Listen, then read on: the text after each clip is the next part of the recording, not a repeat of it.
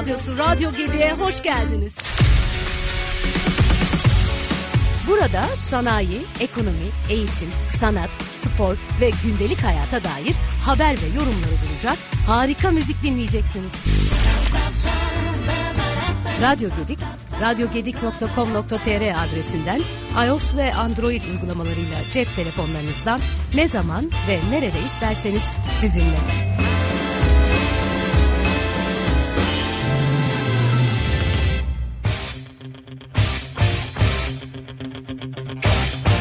Herkese merhaba.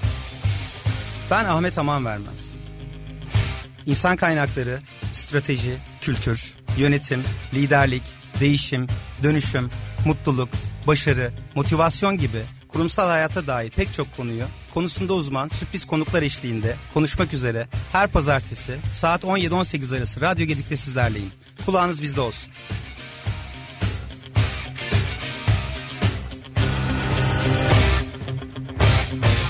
Kurumsal yönetim başlıyor.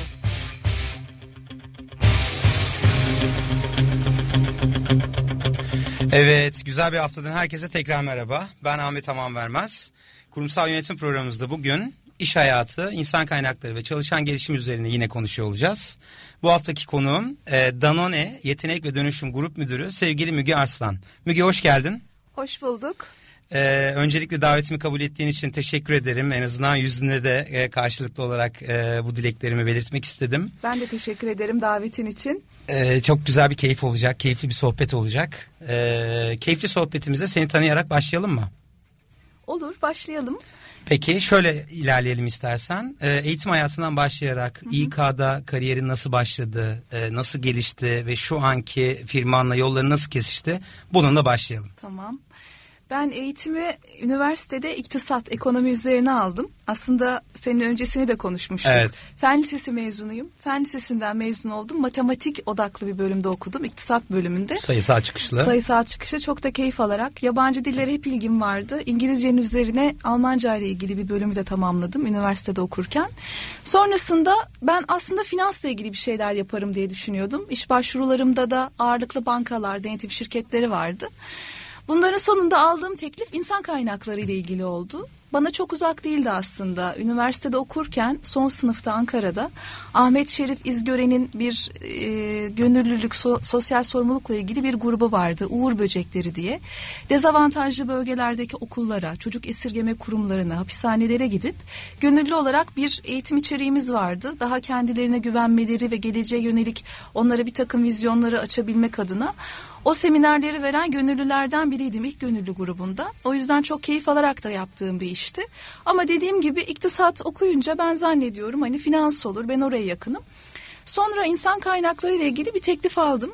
İş Bankası'nda çalışmaya başladım ilk olarak ve orayı tercih ettim.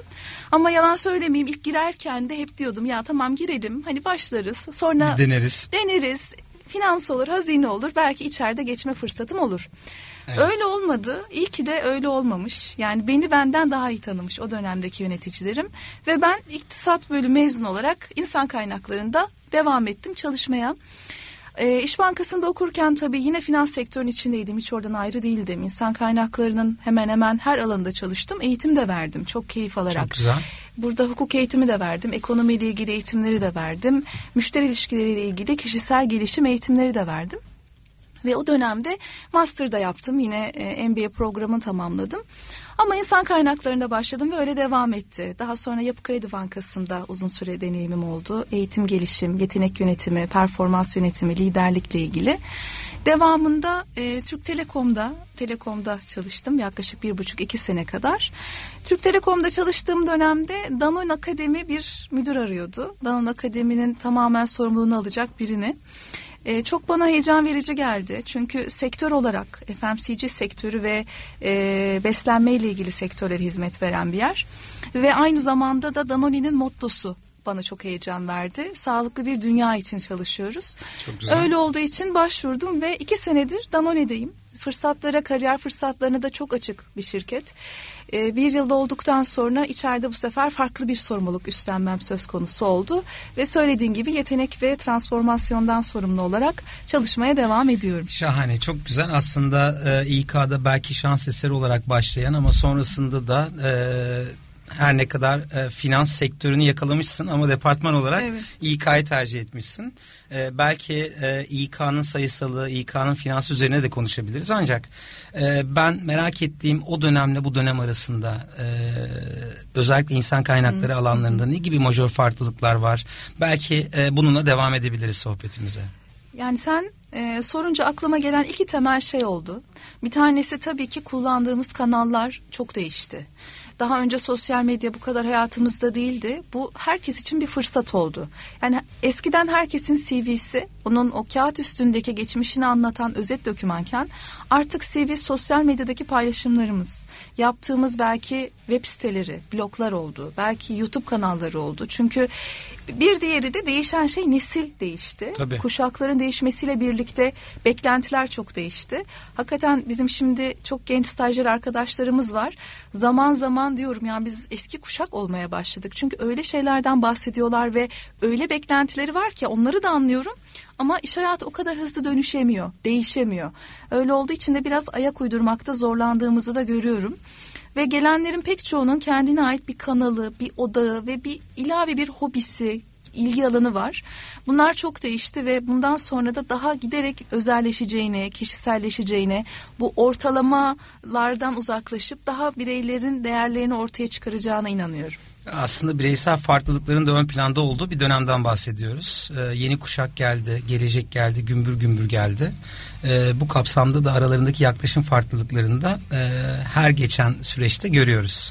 Bunlar da aslında çok ciddi e, majör farklılıklar. Peki e, bir stratejik departmandasın. Hı hı. O daha insan olan bir departmanda yöneticilik yapıyorsun. Ee, ben özellikle bu yeni kuşakların e, beklentisi çok yüksek. Hı hı. Sadece bilgi alanının yetmediği, ilgi alanlarına odaklanan bir kuşak var. Ee, hı hı. Kapıda hatta birçoğu dediğin gibi stajyer olarak başlıyorlar. Belki iş dünyasında e, bir jenerik dinliyorlar. Asıl filmin e, tam oyuncusu olmasalar bile e, bir konuk oyuncu olarak girseler Doğru. bile e, çok güzel hikayelerle birlikte onlar da profesyonel kariyerlerine başlayacaklar. E, bu alanda sen ajandanı nasıl yönetiyorsun? E, bir stratejik tarafta olmakla destek tarafta olmak arasındaki farklılıkları nasıl gözlemliyorsun? Ee, aslında stratejik tarafta olmak yıllardır insan kaynaklarının ajandasında olan bir şey.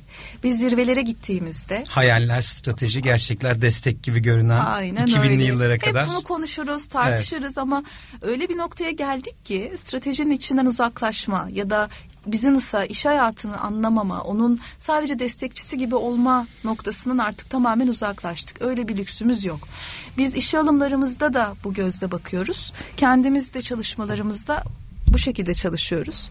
Örnek veriyorum biz e, hangi bölüme işe alım yapıyor olursak olalım. Bir hukukçu da işe alıyor olabiliriz. Ya da e, satış pazarlama gibi hakikaten bizim kor e, o satış işini yapacak, ürünü pazarlayacak ekiplere de alıyor olabiliriz. Ya da insan kaynaklarına bir alım da yapıyor olabiliriz. Bizim işimizi anlıyor mu? direkt olarak çalışmış olması gerekmiyor. Ama bir şeyler okumuş mu, araştırmış mı, bakış açısı ona hizmet veriyor mu? Bunu anlamaya çalışıyoruz. Çünkü yarın bir gün çalışmaya başladığında hizmet verirken öyle bakıyor olmasını bekleyeceğiz. Yani tutup ben evet sadece insan kaynaklarının yetenek fonksiyonundan anlarım değil. Yani bizim bugün Danone'de dört tane iş kolumuz var. Bir tanesi anne bebek beslenmesi. Burada Aptamil, Bebelak gibi markalarımız var. Bir diğeri medikal beslenme. Ee, böyle bir büyük bir kategorimiz var. Su bizim tabi başlıca Danone'un dünyada da faaliyetlerinden biri. Türkiye'de Hayat ve Sırma bizim büyük markalarımızdan. Bir diğeri de Danone sütlü ürünler. Orada da Activia ve Danette gibi markalarımız var. Bu dört iş koluna da baktığınızda Evet beslenme, evet farklı alanlar ama bunların hepsinin ayrı bir dinamiği var. Kendince gerektirdikleri var, zorlukları var, öne çıktığı noktalar var. Bunları anlaması ve verdiği, yaptığı işlerde bunlarla ilgili destek, bakış açısı ve yönlendirme yapmasını bekliyoruz. İK'cıdan işe alım yaparken profil ona göre seçmesini, hukukçumuzdan bir sözleşme yaparken business anlayıp ona göre bir görüş vermesini bekliyoruz.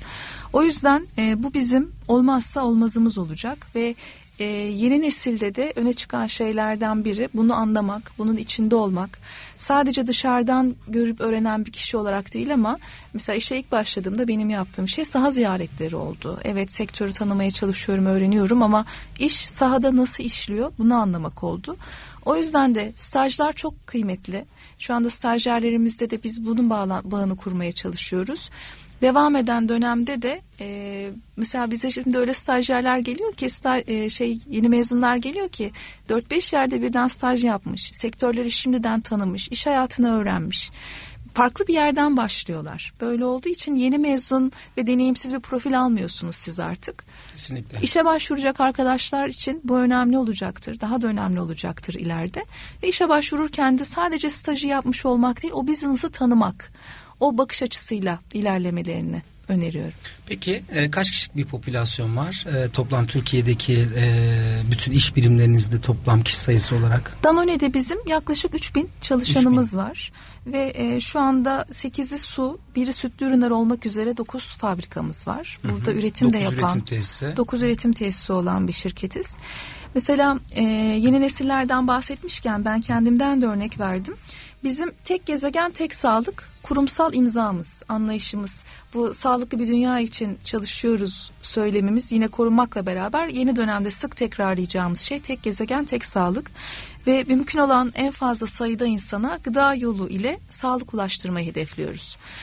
Son dönemde staj programımız için biz bir e, Danon Camp diye bir program yaptık. Çok uzun bir başvuru süreci, seçim sürecinden sonra arkadaşlarımız bir eğitim aldı ve şimdi gerek stajyer, gerek işe başlama, gerek projelerde görev alma şeklinde bizimle çalışmaya başladılar.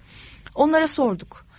Seçemediğimiz arkadaşlara çünkü belli bir kontenjanımız var onları da sorduk. Danon da size e, ne cezbetti? Öncelikli olarak ne sizin için önemliydi diye yüzde 60 oranında yani 70 oranında hepsinin söylediği şey bu sağlık odağı oldu. Biz artık böyle yerlerde çalışmak, çalıştığımız şirketin sosyal sorumluluk odağına önem verdiğini bilmek ve böyle bir şeye hizmet etmek istiyoruz dediler. Belli bir e, anlamı tamamıyla adayları da geçiyor. E, sizinle çalışmak isteyen aday profilleri de direkt e, duygusal olarak oradan yakalıyorsunuz. Belki sağlıktan yakalıyorsunuz. Sadece sonuçta işte ham madde proses çıktı diyoruz Hı. ama sadece standart bir ürün olarak e, faaliyetlere devam etmiyorsunuz. Hı hı.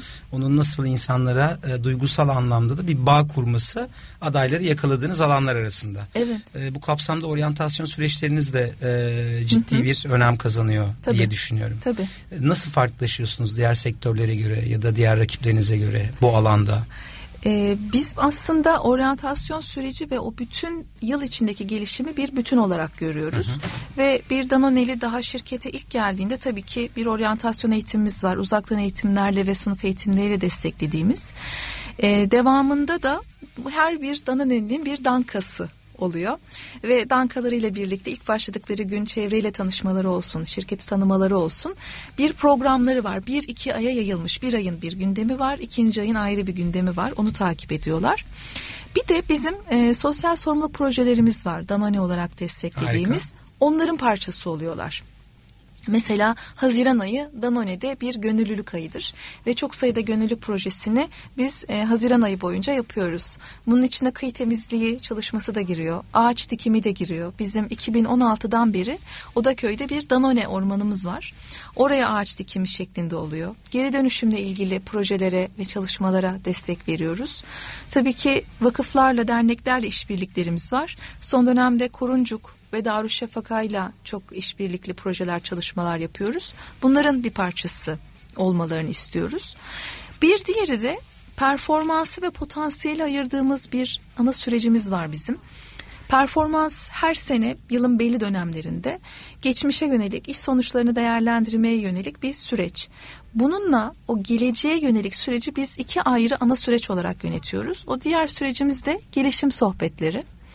Bu gelişim sohbetlerine her Danoneli girdiği an itibariyle sürece dahildir. Orada çok net şirketin verdiği yönlendirmeler, hedefler ve bir takım araçlar var. Onlara ne istediklerini gelecek için neyi hedeflediklerini soruyoruz ve burada ağırlıklı olarak güçlü yönlerine hedeflenmelerini, hedeflemelerini, eğilmelerini istiyoruz. Gelişim alanları tabii ki bizim de çalıştığımız bir alan. Yalnız araştırmalar gösteriyor ki bir insanın güçlü yönüne odaklanarak alabileceği yol gelişim alanına odaklanarak alabileceğinden çok daha fazla. O yüzden onları asla ihmal etmemek, göz ardı etmemek gerekiyor. Ve diyoruz ki bunlara da odaklanın. Bir yıllık plan yapın kendinize, yöneticinizle birlikte ve bunun aralıklı olarak 3 ayda bir dönemler halinde takibini yapın. Hayata geçti mi? Burada da onlara soruyoruz. Hani işbaşı öğrenmede neler yapabilirsiniz? Araçlar bunlar. Siz neyi seçersiniz? Şöyle projeler var. Bu projelerde sizin kendi fonksiyonunuzda olabilir olmayabilir. Hangilerinde çalışmak istersiniz? İç mentorluk süreçlerimiz, koçluk süreçlerimiz, tabii ki çeşitli sınıf eğitimlerimiz var. Ve aynı zamanda da e, Türkiye'de ve yurt dışında bir takım geçici veya uzun süreli dönüşüm süreçlerimiz var, faaliyetlerimiz var. Onlara dahil ediyoruz. Burada ben şunu da vurgulamak istiyorum. E, bizim iş hayatında özellikle insan kaynaklarında ortalamalar hayatımızın bir parçası. Yani hep bir takım referans noktalarına ihtiyacımız var. İnsanları ona göre belli bir noktaya koyabilmek. Bu ücret olabilir. Bu performans değerlendirme olabilir. Bir takım ortalamalara ihtiyacımız var. Ama geleceğe yönelik baktığımızda çok bireyselleşmiyor konuştuğumuz şey. Farklılıklara ve kişilerin yarattığı değerlere giden bir yolda var. Çünkü artık nesil de bunu bekliyor. Aslında insanların ihtiyacı da bu. O yüzden bu gelişim sürecimiz bizim tamamen bireye odaklanan, onun güçlü yönleri üzerinden ve onun ihtiyaçları üzerinden yürüyen bir süreç. Çok güzel geri dönüşler alıyoruz kendilerini değerli hissettikleri. İlk kez bir şirkette yöneticimle beraber oturdum. Ne istiyorum, gelecekte ne olabilir, güçlü yönlerim ne onu konuştum diyenler de oluyor.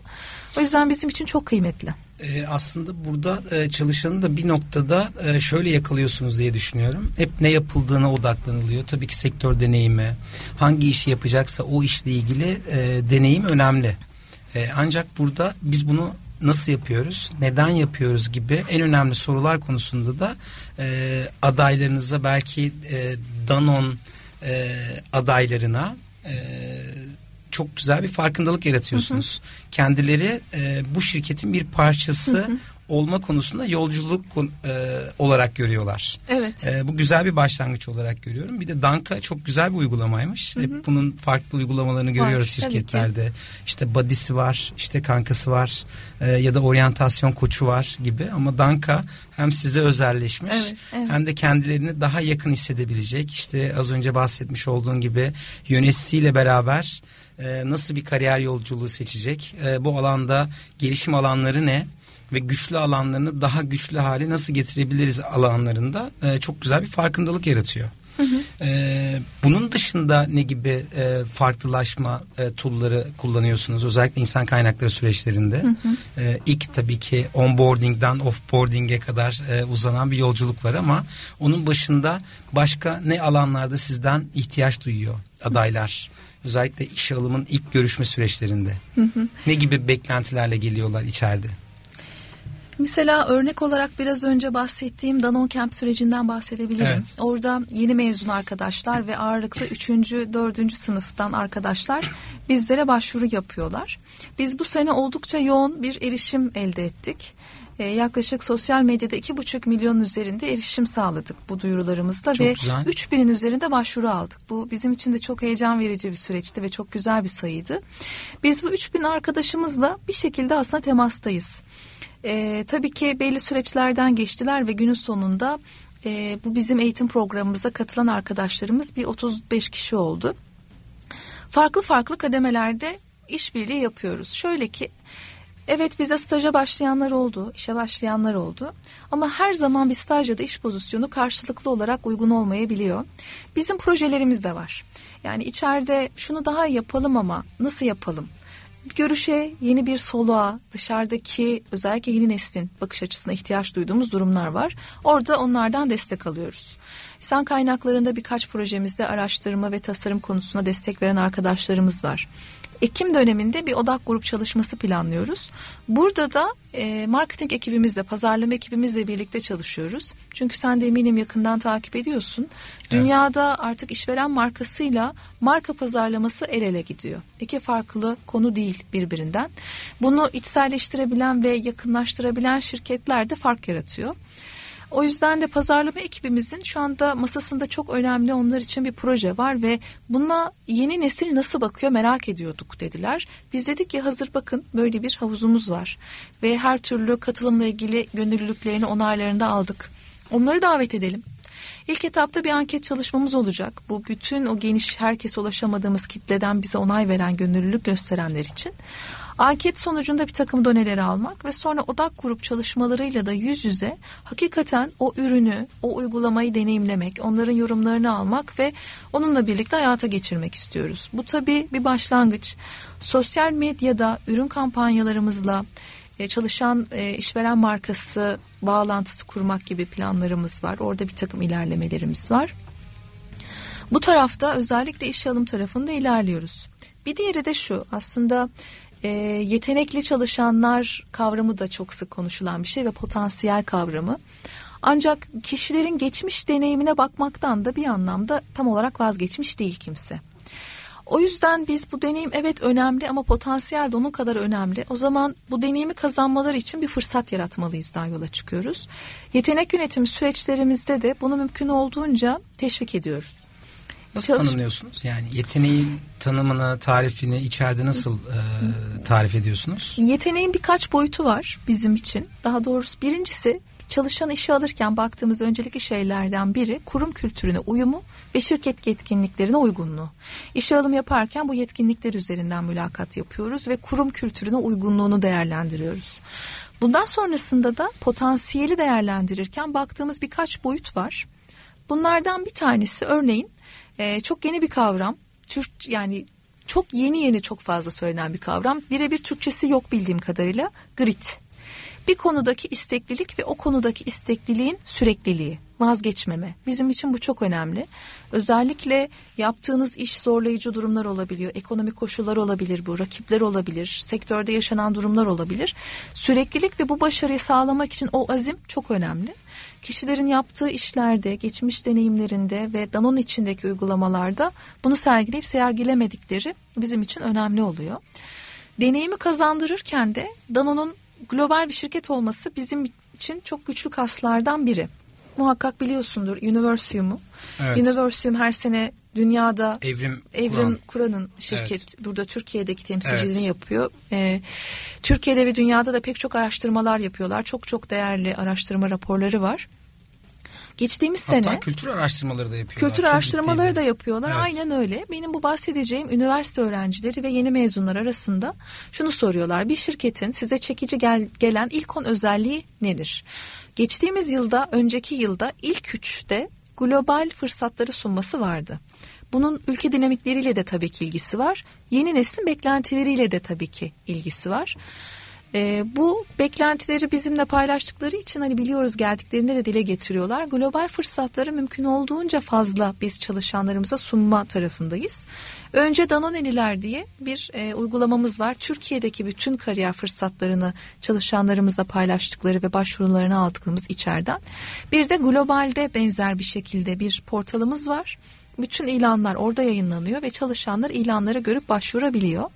Ek olarak biz yetenek yönetimi ekibi olarak sürekli bir ağ halinde iletişimdeyiz ve geçici bir takım görevler oluyor, stajlar olabiliyor ya da uzun süreli roller oluyor. Bunlar bize geliyor.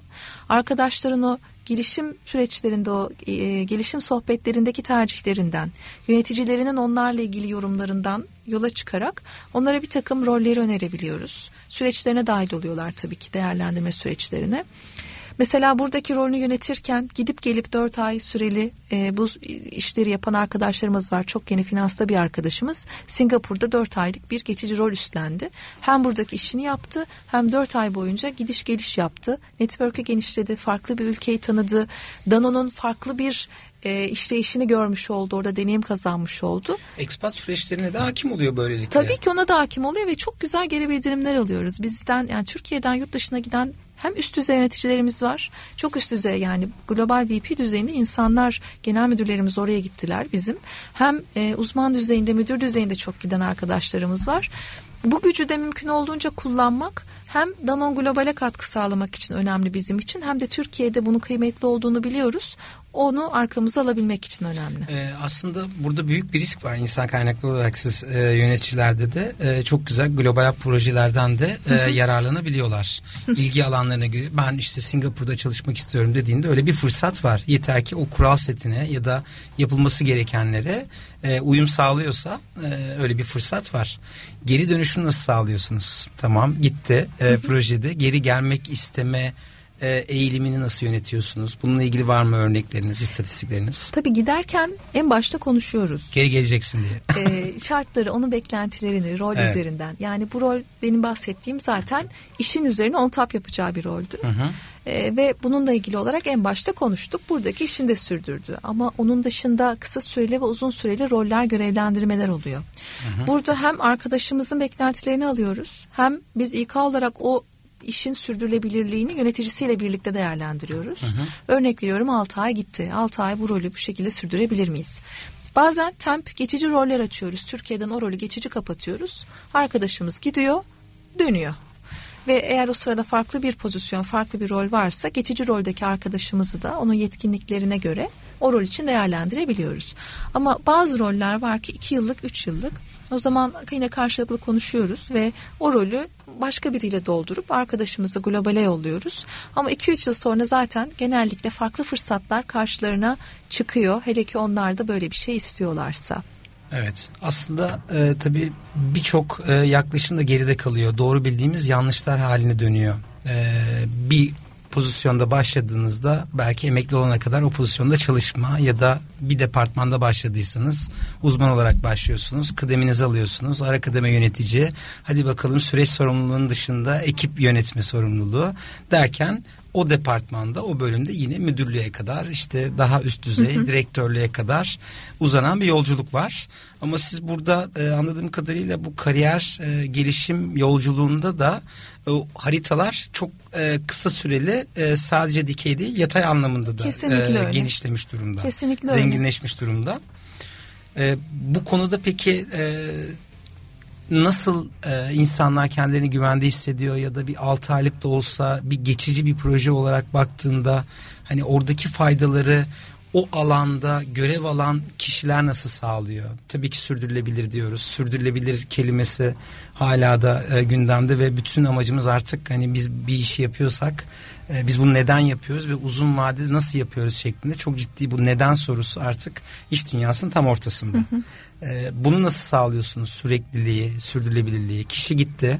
Hı hı. 6 ay geçici bir görevde bulundu hı hı. yurt dışında. Onun da istediği bir alanda. Yetkinlikleri de e, cover edecek durumda. E, ancak gitti. Acaba başka bir proje olur mu diye bir yetenek havuzunuz mu var? Orada bir beklenen bir e, yedek oyuncu kulübesi gibi e, diyebileceğimiz bir alan mı var? Ya da onları proje bitti. E, geri nasıl yönetiyorsunuz o projeden sonrasında? Bizim aslında bu dediğim bireyselleşmeyi çok e, yoğun yaşadığımız bir sektör ve şirket burası. Her grup, her duruma ve her role, her kişiye özel bir plan yapıyoruz. Bu tabii ki belli bir efor gerektiriyor ama e, bunun karşılığında alıyoruz. Çünkü bazı roller var ki o kişi ayrıldığında geçici birini almadan onun bir mesai arkadaşının iş planını biraz değiştirerek dönemsellik de var çünkü dönem dönem daha evet. yoğun oldu dönemler var ve o da gönüllüyse on tap ona verip yaptığı işlerin üstüne tabii ki kendi gönüllülüğü ve yöneticinin de e, buna onay vermesi önemli. Ona veriyoruz. Onun için de bir yatayda genişleme ve ilave bir deneyim kazanma fırsatı oluyor. Ee, yolculuk sırasında tabii ki zorlandığımız durumlarda olabilir. Yani planladığımız gibi gitmeyebilir. İlave işler, ilave sorumluluklar gelebilir. Ama hakikaten orada iletişim ve buradaki şirketin pratiği çok önemli. Çalışanın güvenini de bir yerde o sağlıyor. Çünkü Danon insana çok değer veren bir şirket. Bunu her uygulamasında, her mottosunda, her çalışmasında görebilirsiniz. O proje e, beklendiğinden daha uzun mesela gitti diyelim ki. Çünkü sözümüzün dışında bir şey zaten olmadı bugüne kadar ama uzaması orada kalması gerekiyor. O zaman birlikte karşı karşıya gelip bütün opsiyonları değerlendiriyoruz. Ve günün sonunda öyle ya da böyle yapılan tercihte karşı tarafta kişi de biliyor ki benim tercihim eğer burada kalmak, bu ülkede kalmak ve bu projeyi uzatmaksa, şu anda dönmemekse ve orada bir ihtiyaç varsa ben bunu seçiyorum. Global tecrübe benim için kritik ve önemli olandır. Sonrasında da o süreç bittiğinde Türkiye'deki veya globaldeki roller için insan kaynakları bana destek olur ama e, bazı şeyleri yolda çözme konusunda sıkışıyoruz. Bazı Kervan şeyleri bazı şeyleri en başta anlaşıyoruz ve eğer o şekilde de ilerliyorsa herhangi bir zorluk yaşamıyoruz. Zaten çok fazla fırsatın olduğu, çok fazla projenin yürüdüğü, danışmanlıktansa içerideki uzmanların uzmanlığıyla ilerleyen bir e, şirket olduğu için Danon hani hakikaten siz bir şey yapmak, bir şey hayata geçirmek istediğiniz sürece muhakkak elinizi taşınızın altına, taşın altına koyabileceğiniz, katma değer sağlayabileceğiniz bir alan oluyor.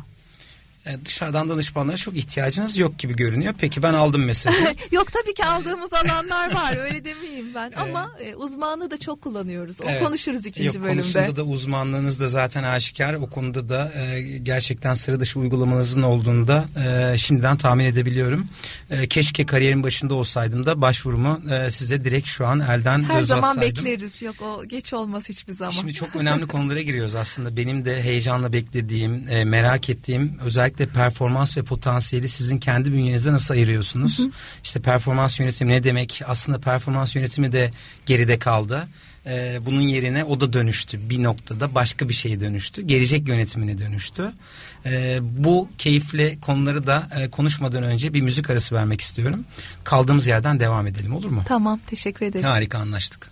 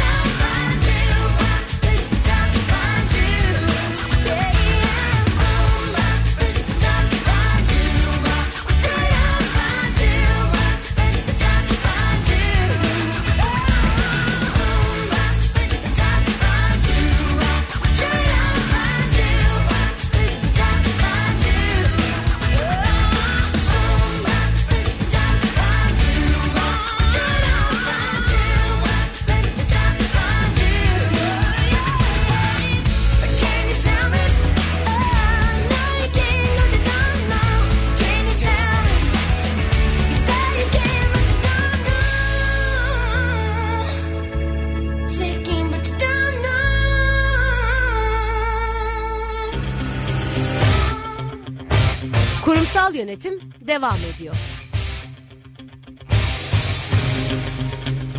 Evet tekrar kaldığımız yerden devam ediyoruz. Nasıl gidiyor? İlk e, yarıyı geride bıraktık. Nasıl Ee, geçiyor Müge. anlamadım Ahmet. Yani Evet.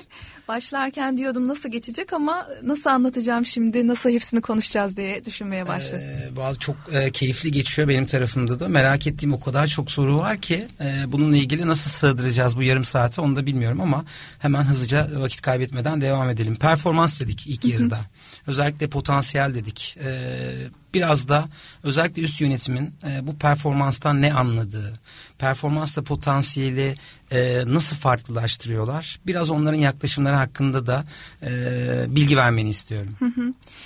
E, performans tarafında bizim üst yönetimimiz süreçlerin çok içinde ve insan odağı oldukça yüksek.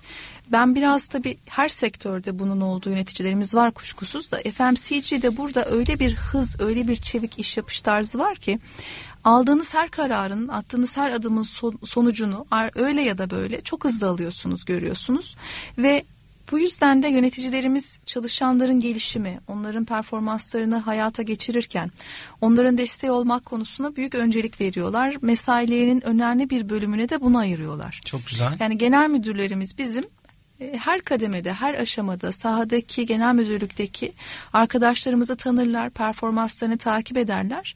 Onlara mentorluk ve koçluk da veriyorlar bu arada. Vakitleri yettikçe biz bu süreçlere de dahil ediyoruz. Bunun bir diğeri de projelerimizde sponsor olmaları. Özellikle konuşmanın aslında başında da bir yerde konuşmuştuk.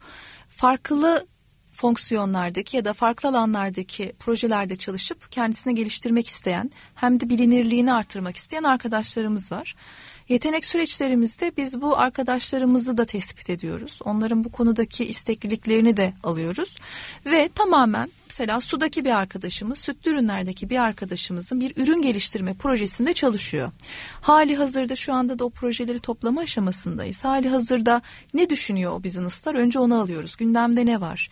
Ne hayata geçecek? Ya da proje başlamış olabilir ama daha çok başlangıç seviyesindedir. Gerçek olsun, hayattan bir proje olsun ki böylece de arkadaşlarımız onun e, tadına varabilsin. Sonuna kadar her anını yaşayabilsin istiyoruz. Bu projelere de sponsorluğu genel müdürlerimiz ve onlara bağlı çalışan ilgili fonksiyondaki üst düzey yöneticilerimiz yapıyor. Çok güzel. Süreçte hem onlara mentorluk yapıyorlar, hem sonuçları hakkında geri bildirim veriyorlar, hem de proje yarın bir gün hayata geçtiğinde çünkü geç edebilir, geçmeyebilir, fikir de değiştirilebilir. Yine o sürecin bir parçası oluyorlar ve e, hem kendi işlerini yapıyorlar hem de diğer bir business'ı öğrenme ve takip etme şansı buluyorlar. Bir diğeri de bizim e, çapraz geçişlerimiz çok fazladır. Hem fonksiyonel olarak hem şirket olarak. Özellikle yetenek yönetimi süreçlerimizde ve takibindeki aksiyonlarımızda buna önem veriyoruz. Yani her bir çalışanımıza bakıyoruz. Ne kadar süre hangi fonksiyonda çalışmış, ne kadar süre hangi e, şirketimizde çalışmış, fırsatlara açık mı farklı değişimlere. Onların hem farklı bir fonksiyonda hem de farklı bir şirketimizde deneyim kazanmasında teşvik ediyoruz. Yeni neslin getirdiği şeylerden biri de bu biliyorsun. Emekli olana kadar belki 10-15 tane iş değiştirecekler. Biz bunu istiyoruz ki kendi bünyemizde büyüyerek gerek fonksiyonel gerek Türkiye'deki gerek globaldeki şirketlerle yapsınlar. Hem onlar bu çeşitliliği sağlasın hem de biz yeteneklerimizi elde tutmuş olalım. Burada da çok ciddi destek görüyoruz üst yönetimden. Çünkü e, hakikaten çok e, katı e, zaman planlarıyla çalışıyoruz. Ekiplerimiz çok yoğun çalışıyorlar ama o arkadaşlarımızın yolunu açmak, onlara farklı fırsat tanımak için de bu fedakarlığı yapıp farklı yerlere geçişlerini planlamamıza yardımcı oluyorlar. Bazen 6 ay, bazen bir yıl, bazen 2 yıl sonrasını planlıyoruz onlarla. Çok güzel. Aslında bu da e, çalışan tarafında e, güveni destekliyor. Aynı zamanda e, mutlu olmak yerine umutlu olmayı da destekliyor. E, bu kapsamda sanıyorum üst yönetim de direkt e, o işten sorumlu çalışana ara kademe yöneticileri ya da şeflerinin dışında direkt e, birebir e, geri bildirim verme konularında da onlarla birlikte vakit geçirme konularında da e, vakit harcıyorlardır diye düşünüyorum.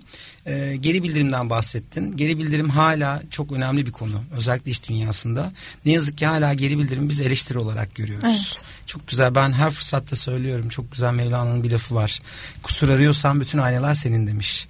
Dolayısıyla geri bildirimi hala doğru bildiğimiz o kadar çok yanlış var ki. E, bu alanda siz bu geri bildirim kültürünü e, içeride bir kültür haline nasıl dönüştürdünüz? Ya da bununla ilgili hala e, gideceğiniz yollar var mı? Nasıl bakıyor geri bildirime çalışanlar?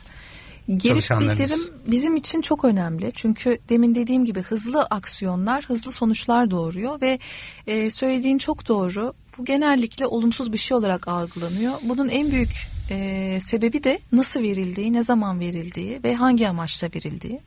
Yani dediğin gibi yılda bir defa ya da iki defa bir araya gelip geçmiş defterler açılıp bir geri bildirim veriliyorsa orada kimse kendini iyi hissetmez. Ya da bu e, yıllarca bize eğitimlerde anlattıkları sandviç teknikleri var. Önce olumlu bir şeyle başla, sonra olumsuz geri bildirimini ver, sonra Çok olumluyla güzel kapat. yapmışsın ama sonra amayla başlayan cümleler olduğunda O her şeyi bitiriyor. her o şeyi başta bitiriyor. sonda söylenildi. Hatta bunu bana o ortadakini söylemek için mi baştakini sondakini söyledi? Bir dakika bile diyor insan. O samimiyeti kaldırıyor.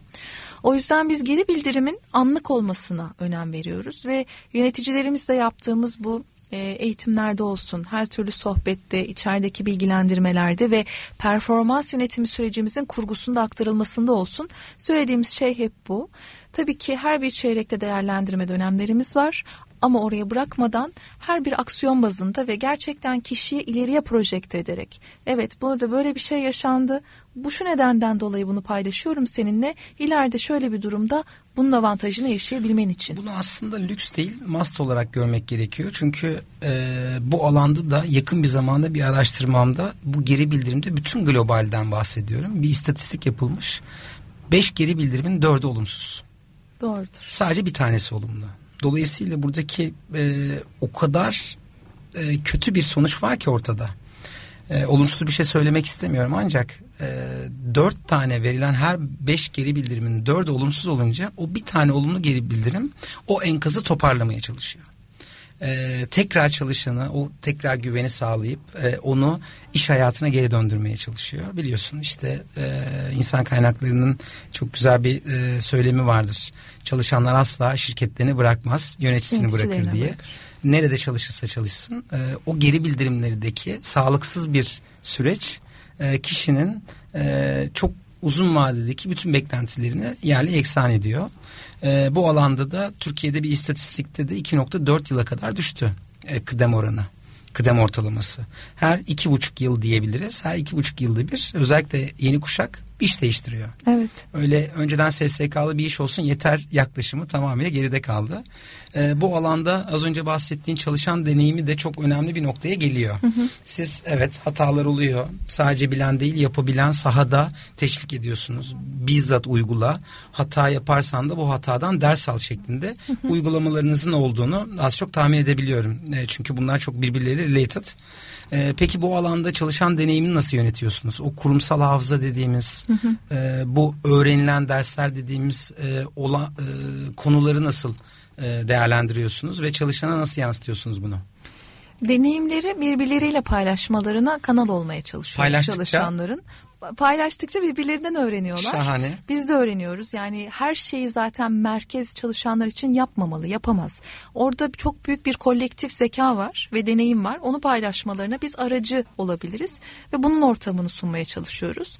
Örneğin e, bizim bir sosyal medya ağımız var içeride kullandığımız. Onu çok aktif kullanır çalışanlar. Sahada gittiler bir ürünü tanıtıyorlar onu da paylaşırlar. Gittiler bir saha ziyareti sırasında distribütörden bir bilgi aldılar onu da paylaşırlar. Ya da şirket içindeki bir takdir aracı olarak da mesela demin söylediğin çok önemli. Bizde takdir çok ön plana çıkar. Hakikaten çalışanlar takdir edilir ve herkesin de bunu bilmesi sağlanacağı şekilde takdir edilir. Çünkü hakikaten o yapılan katkı, o yapılan katkının sonucunda gelen değer ön plana çıkar. Yani o kişi hikayesiyle anılır, bilinir.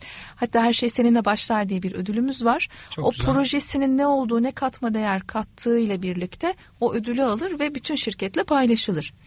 Biz de bu deneyimleri artırmak için hem mesela işte bu her şey seninle başlarda neden ödül aldığını tüm şirkete duyuruyoruz. Workplace kullanıyoruz o internetimiz üzerinden. Herkesin uygulamaları ile ilgili paylaşım yapmasına, birbirine soru sormasına imkan veriyoruz.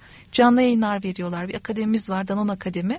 Bu arada bu sene ATD'den ATD Best ödülünü aldı Amerika'dan. Çok Şahane, da çok kıymetli bir güzel. ödüldür. Tebrikler. Orada çalışanlar birbirinden öğreniyor diye bir uygulama var. Hem videolarla hem şirket içi metinlerle bir eğitime katıldım ben diyelim ki. Orada öğrendiklerimi paylaşıyorum. Diğer herkesin öğrenmesi ve bilmesi için. Kariyer sohbetlerimiz var. Üst düzey yöneticilerimizle birlikte böyle e, mesela Ataşehir'de bizim bir ofisimiz var. Levent'te var. Levent'teki yöneticilerimizi Ataşehir'e davet ediyoruz. Diyoruz ki bize kariyerinizi anlatın ama eğrisiyle doğrusuyla anlatın. Başarısızlıklarınız da olsun. Batık hikayeler de Başarılarınız olsun. da olsun. Valla olana denk gelmedim ama varsa o da olsun. Hobileriniz de olsun, e, zorlandıklarınız da olsun, keyif aldıklarınız da Danone'da çok sıcak bir sohbet ortamı alıyor. Dediğim gibi bizde erişilebilirlik çok önemli ve her çalışan en üst düzey yöneticiye kadar erişebilir, sorabilir. Orada canlı yayın da yapıyoruz sahaya. Ve soru cevap olarak o deneyim paylaşımını sağlıyoruz. Çok güzel dönüşler alıyoruz. O yöneticiyi o hani vardır ya LinkedIn profillerinde kolları kavuşturarak dururuz. Yani o ciddi ve hani o ünvandaki yönetici değil orada bir insan ve deneyimi olan hatasıyla başarısıyla bir insan olarak görüyorlar. Apoletleri kaldırıyorsunuz. Kaldırılıyor. Aynen öyle bir sohbet ortamı oluyor. Aynı şekilde saha bizim için çok önemli. Bazen toplu olarak bir gün sahaya çıkılıyor. Mesela geçtiğimiz hafta sonu su iş birimimiz böyle bir organizasyon yaptı. Bütün fonksiyonlardan isteyen arkadaşlar katılabiliyordu. Sahaya gidip satış yapıldı. Hem birliktelik duygusunu yaşıyorsunuz hem gidip oradaki sahadaki dinamikleri yakından görmüş deneyimlemiş oluyorsunuz. O deneyimi yaşıyorsunuz. Ee, bir de mesela DNA diye programımız var şirket içerisinde. Bu saha ziyaretlerinin yanı sıra her şirketin kendine özgü ürünleri var. Pek çok teknik yönleri var. Mesela suyla ilgili bilmediğim benim pek çok şey varmış. Danone'ye başladığımda öğrendim. Yani doğal kaynak suyu, içme suyu bunların hepsinin farklı kategorileri var. Bunları gelip e, bu konu uzmanları anlatıyorlar. Hem kendi sahadaki deneyimlerini hem de bizim ürünlerimizle ilgili bilinmesinde yarar olan bilgileri. Bu paylaşımları arttırmaya mümkün olduğunca fazla kanal sunmaya çalışıyoruz. Şahane, çok güzel. Ee, Bunları da mişmiş gibi yapmıyorsunuz. Direkt e, çalışanları da dahil ediyorsunuz. E, tamamıyla üst yönetim de e, doğallıkla, içtenlikle bu alandaki bilgilerini e, aktarıyor. Farkındalık da otomatik olarak gelişiyor. Bununla birlikte de kendilerinin de onlardan bir parçası olduğunu görmüş oluyor Kesinlikle. çalışanlar. Bunun peki personel devir oranlarına e, yansıması nasıl oluyor? Bizim düşüktür turnover oranımız. Tabii ki dönem dönem e, farklı dönüşüm e, dönüşüm da var. onlar da var. Bir de dönüşüm süreçlerine bağlı olarak bazı farklılaşmalar tabii ki olabiliyor. Çünkü şirketlerin ajandalarında bir numarada olan şeylerden biri de dönüşüm. Çok farklı ihtiyaçlar olabiliyor ama genel olarak bizim düşüktür. Hiçbir zaman o Danone Global'in bir e, referans noktası vardır. Bir kırmızı alan oraya geçmedi Danone Türkiye hatta çok altında seyrediyor. Çok güzel. Ve bunu hani korumak hepimizin önceliği üst yönetimden tutun bütün orta ve alt kademe yönetici çalışanlara kadar. Zaten başka türlü o efsane kelime olan sürdürülebilirliği sağlayamıyorsunuz. Sağlayamazsınız bir yerde tıkanır. Peki e, yavaş yavaş da son kulvara doğru gidiyoruz programımızın. E, en önemli konulardan bir tanesi sosyal sorumluluktan bahsediyoruz. Tek gezegenden ve çok güzel mottolarınızdan bahsediyorsun.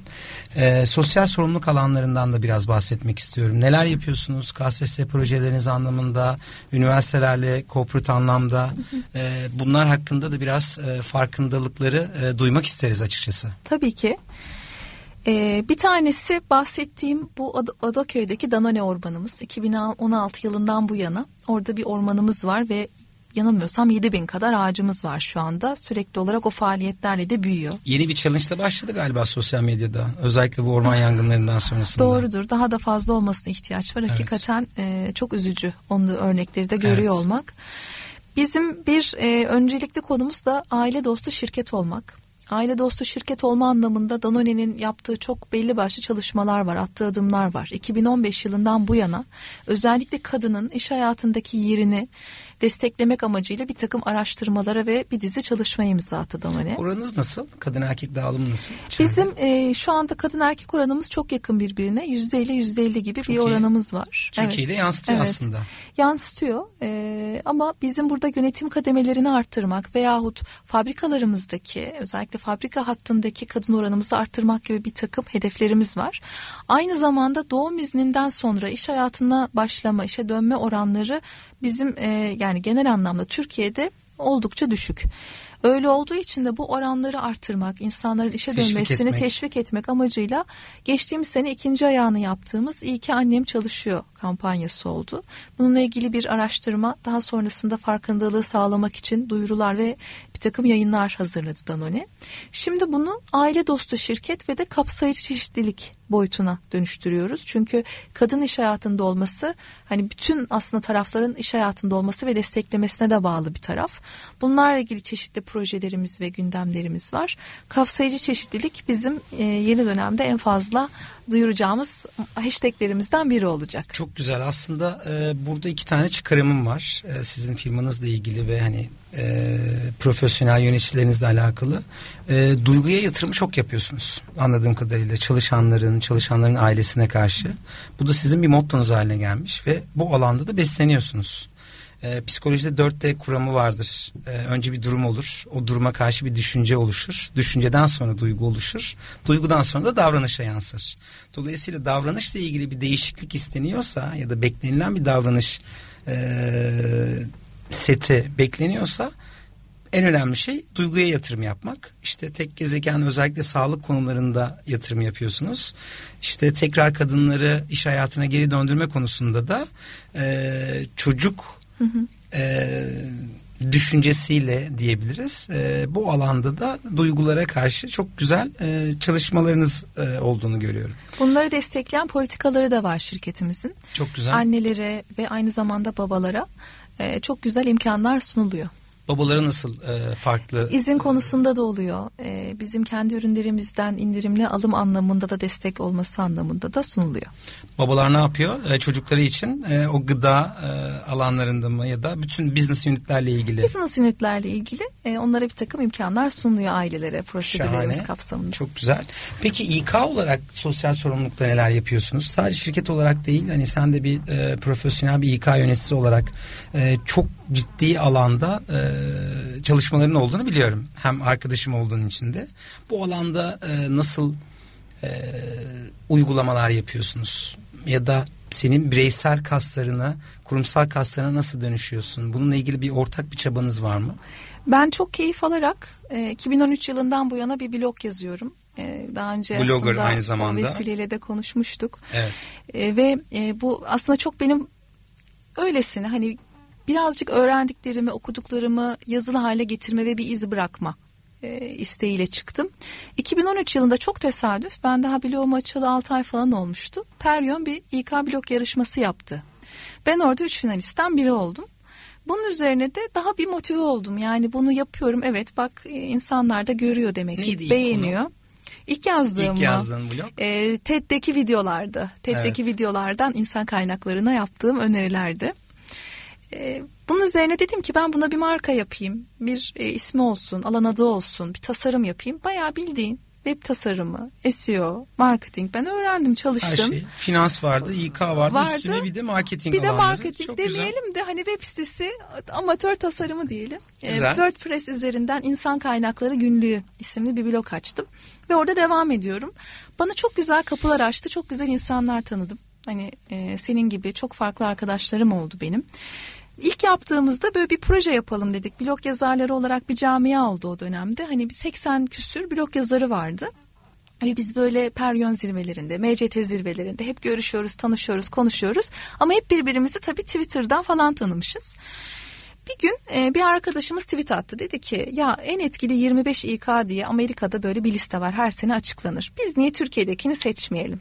Ondan sonra bir Ahmet hocamız vardır Ahmet Er Yılmaz. O dedi ki ha, neden olmasın yapalım ben bunun e, öncüsü olurum. Sonra birkaç farklı arkadaş biz bir baktık 8 kişi olmuşuz. Biz 8 kişi oturduk bir tasarım yaptık. Yani objektifte seçmemiz lazım. Sorumluluk bilinci olan insanlarız hepimiz. Evet. Niye göre skorlayalım? Sadece attığı atıyorum tweet sayısına göre olmaz. İçeriğine de bakmalıyız. Tweet retweet oranına bakalım. Cloud puanına bakalım. Bloğu varsa yazıların içeriğini vesaire. Bir sıralama yaptık. En etkili 25 İK diye inanılmaz etkileşim aldık. Biz o kadar beklemiyorduk. Ee, onunla ilgili daha sonra bir takım yerlerde konuşma yapma paylaşma imkanı bulduk. Çok da keyif aldık. Hala da duruyordur internette. Dedik ki başka bir şey daha yapalım. Biz madem böyle bir grup bir araya geldik. Sıfırdan bir İK departmanı kursak ne gibi fonksiyonları olurdu ve her fonksiyonda ne gibi e, şeyler olurdu, adımları olurdu diye bir insan kaynakları iç denetim kontrol listesi hazırladık. Onu da yaklaşık olarak bir 20 gönüllüydük. Ee, o da yine internette var ücretsiz olarak oldukça yoğun bir çalışma. Hatta bir arkadaşımız danışmanlık yapıyordu o dönem. Danışmanlık verdiği şirketlerden birine Anadolu'da gittiğinde oradaki kişi çekmeceden çıkarmış. Aa bak böyle bir liste var bunun üzerinden bizi denetler misin diye. Demiş ki ben zaten onu yapanlardan biriyim neden olmasın. Öyle mutlu olduk yani o da ben mesela en başta hep şey kaygısı taşıyorum ya kaç kişiye ulaşır ki acaba çok ilgilenirler mi vesaire ama inanılmaz yerlerden dönüşünü aldığımızda oldu. Sonra Kariyer.net işbirliğiyle bir dijital kitap yazdık. Dijital İK e-kitabı. O da hala. Kariyer.net'in sitesinde durur. Bütün bunlar tabii e, o birlikteliği, o üretme duygusunu getiriyor ve bizim hala buradaki görev aldığımız almadığımız arkadaşlarla hep bir bağlantımız, hep bir kontağımız var.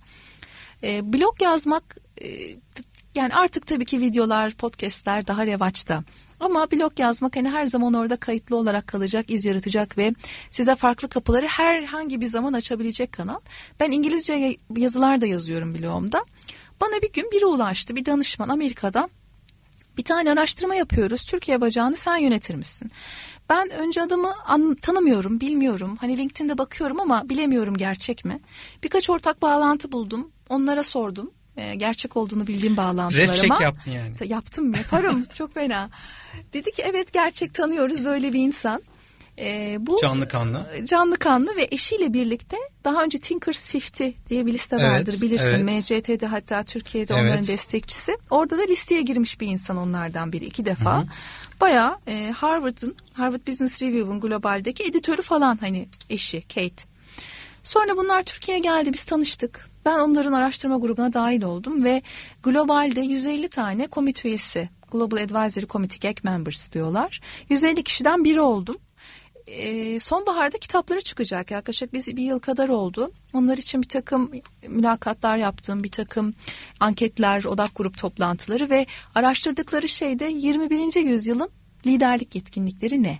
Elon Musk'tan yola çıkıyorlar. Bir Elon Musk hep anlatıyoruz, kitaplarını okuyoruz falan ama şirketlerde Elon Musk'lar nasıl olacak? Neye ihtiyaç var? Hem kontekst anlamında, çerçevede hem de yetkinlik anlamında. Bunu çalıştık. Çok da keyif aldım. Tabii bu çalışmalarda yer almak blog bana e, pek çok konferans ve seminerlere katılma şansı da sundu. Türkiye'de katıldıklarım oluyordu. Bir taraftan da yurt dışında bu sefer konferanslara davet almaya başladım ve hem oradaki konferansları dinliyorum hem e, çok ciddi bir network oluşturmanıza sağlıyor hem de bir süreklilik sağlıyor. Mesela e, geçtiğimiz aylarda Atina'daydım eğitim ve gelişimle ilgili bir konferans için çok güzel bir network var orada. Ondan önce de Portekiz'deydim. E, Orada da e, geleceğin iş gücü neleri gerektiriyor, nereye gidiyoruz gibi bir gündem vardı. Şimdi bakalım Eylül'de bekliyorum e, bu çalışmanın ortaya çıkmasını heyecanla. Ben şimdi seni dinleyince bir yandan bambaşka dünyalara dalıyorum. Şimdi İK'da iz bırakanlar arasında belki ilk e, ondasın diyebilirim rahatlıkla. Ee, bu alanda da en azından sosyal sorumluluk kapsamında ya da bunun bilinirliğini ya da anlamlı halde bu İK duruşunun belki diyebiliriz ve çalışanla işveren arasındaki bu yaklaşım farklılıklarını gidermeye yönelik tamamıyla doğal e, içten yanmalı bir e, güdün var. E, buna belki böyle e, adlandırabiliriz. E, dolayısıyla programımızın da sonuna geldik. Son birkaç dakika. E, ben e, buradan en azından dinleyicilerimizin huzurunda senden bir söz almak istiyorum. Şimdi aslında e, en önemli konulardan bir tanesi liderlik iş dünyasında. Ve 21. yüzyıldaki e, 21. yüzyılda e, taşıyan e, liderlik yetkinliklerinden bahsettin. Bunu da ilerleyen zamanlarda bambaşka bir konu olarak e, detaylı bir şekilde masaya yatırmak isterim. Senin Tamam. de iznin olursa Çok şimdiden memnun olurum. seni Tabii köşeye ki. sıkıştırayım şimdiden sözünü Tabii almak ki seve adına. seve. Ee, bunun sonrasında da kaldığımız yerden tekrar devam ederiz. Ee, son bir sorum olarak da özellikle İK profesyonellerine bundan sonraki tabii ki gelecek geldi diyoruz. Yeni nesil insan kaynakları, o sistemler, big datalar, işte e, teknolojiler bambaşka bir noktaya dönüştürüyor insan kaynaklarını da. Ee, birkaç önerini almak isterim özellikle İK profesyonelleri için. E, yani paylaşım gibi diyeyim çünkü herkes çok büyük katkılar yapıyor, çok trendleri takip ediyor. Artık bizim neslimiz sadece nesil değil, herkes bu konuda çok çaba e, sarf ediyor ve yapıyor. Benim kendi adıma yapmaya çalıştığım ve artırmaya çalıştığım şey somut sonuçlar almak.